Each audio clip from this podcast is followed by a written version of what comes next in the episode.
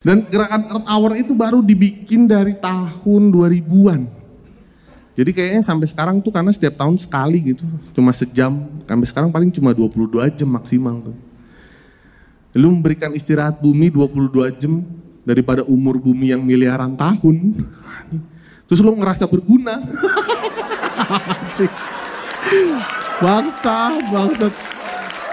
Dari mana gunanya?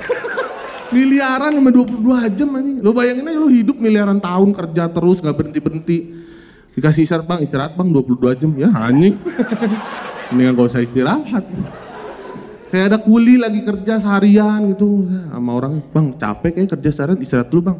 Oh iya iya. Kerja lagi bang. anjing. Ah, mendingan lanjut aja gak usah istirahat. Ya.